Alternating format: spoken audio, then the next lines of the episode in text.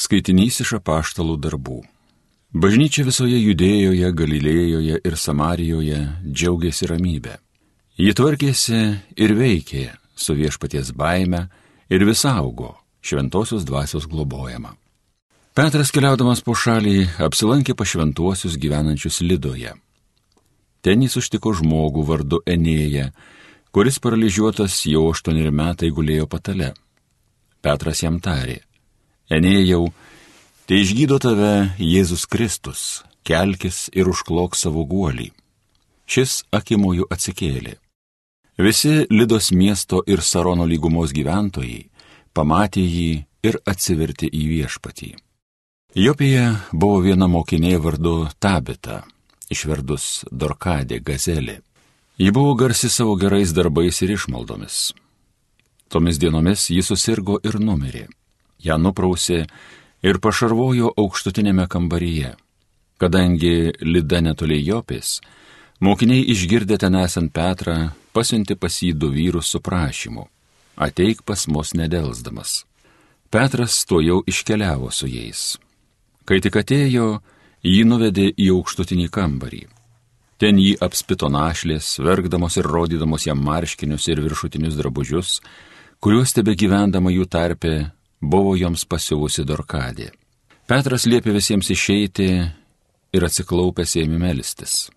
Paskui atsisukęs į lavoną tarė, tabita kelkis. Šie atmerkė akis ir išvykusi Petrą atsisėdo. Petras ištiesė jai ranką ir ją prikėlė. Tada pašaukęs vidun šventuosius ir našles, parodė jiems ją gyvą. Žinia apie įvykį pasklido visoje judėjoje ir daugybė žmonių įtikėjo viešpatį. Tai Dievo žodis.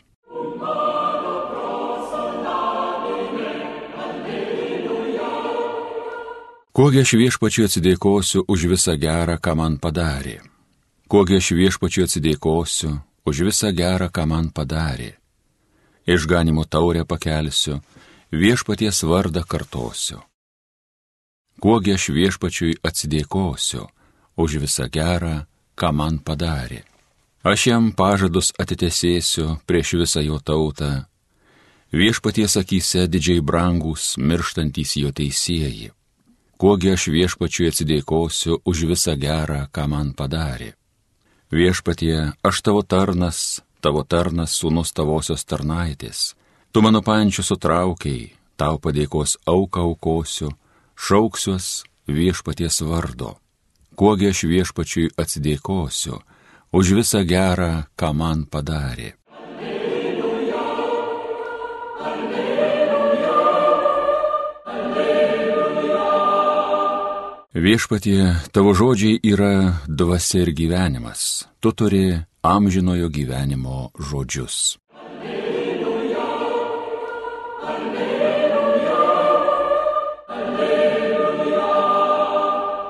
Pasiklausykite Šventojios Evangelijos pagal Joną. Daugelis Jėzaus mokinių sakė, kieti jo žodžiai, kas gali jų klausyti. Jėzus žinodamas, kad mokiniai dėl to murmo paklausė, jūs tai piktina. O kas būtų, jei pamatytumėte žmogaus sūnų, užžengianti ten, kur jis buvo pirmiau? Dvasia teikia gyvybę o kūnas nieko neduoda.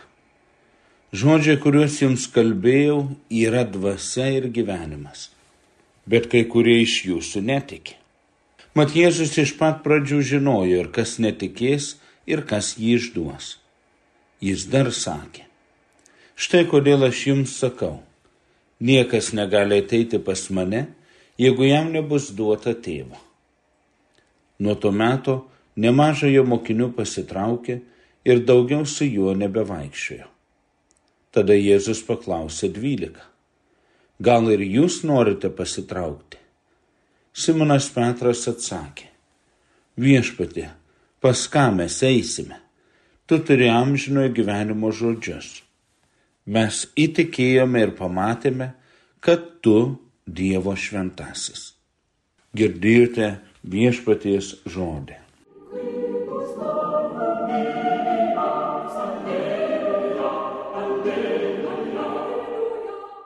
Kieti jo žodžiai, kas gali jų klausytis.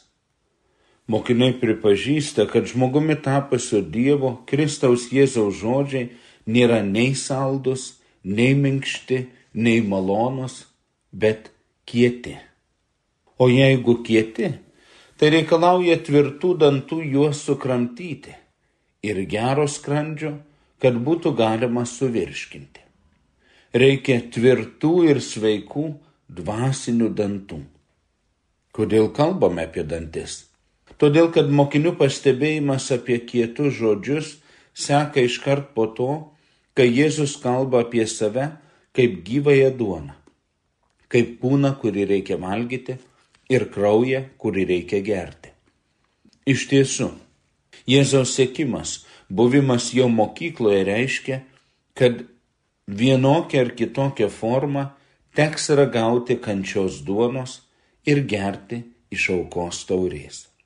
Tad nenuostabu, kad nuo to meto, o ir dabar, nemaža mokinių nuo Jėzaus pasitraukė ir draugė su juo nebevaikščioja. Ką iš tiesų reiškia įsipareigojimas? Ką iš tiesų reiškia mūsų krikštas? Ką iš tiesų reiškia priklausimas Kristaus bažnyčiai? Tai visų pirma savęs susijimas su Jėzumi, jo mokymo, kančios, mirties, prisikėlimo ir išaukštinimo istoriją. Ir susijimą savęs ir savo ateities su jo duodamu amžinojo gyvenimo pažadu. Simonas Petras atsako, viešpatė, pas ką mes eisime? Tu turi amžinojo gyvenimo žodžius. Ir iš tiesų, jeigu nesusijęme savęs su Jėzumi, jeigu neiname paskui jį ir su juo mokinystės keliu, kur mes einame? Pas ką mes einame?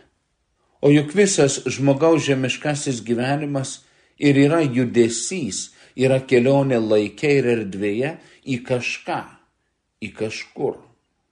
Šios dienos Evangelijoje glumina ir dar viena mūsų viešpaties Jėzaus ištara. Niekas negali ateiti pas mane, jeigu jam nebus duota tėvo. Ar tai reiškia, kad savo iniciatyva, savo noru, savomis jėgomis negalime siekti ir pasiekti Jėzaus? Ne, negalime. Nes tikėjimas Jėzų Kristų yra Dievo tėvo dovana, kurią jis dosniai duoda tiems, kurie su nuolankumu jos prašo ir ją priima. Žmogus, kuris nenori išpildyti Dievo valios, neturės ir tikėjimo dovanos, įgalinančios jį arba ją tą valią išpildyti. Tikėjimas kaip Dievo dovana nėra ir negali būti mūsų asmeniniu pasiekimu ar laimėjimu. Kaip dovana, jis reikalauja iš mūsų nuolatinio nuolankumo, atvirumo ir dėkingumo. Tėve mūsų maldoje ištardami tiesie tavo valia, mes kartu prašome, suteik mums tikėjimo dovaną, tą valią išpildyti. Tikrai kieti Jėzaus žodžiai, bet teisingi ir tikri, nes turi gali dovanoti ir vesti jam žinai gyvenimą. Neįsižadėkime šių žodžių ir šio kelio. O stebuklingoji krekinavos Dievo motina, malonių versmė. Tikėjimo kelyje lydėk mus su ir pas savo sūnų mūsų viešpatį Jėzų Kristų. Dievo motina. Melski už mus. Amen.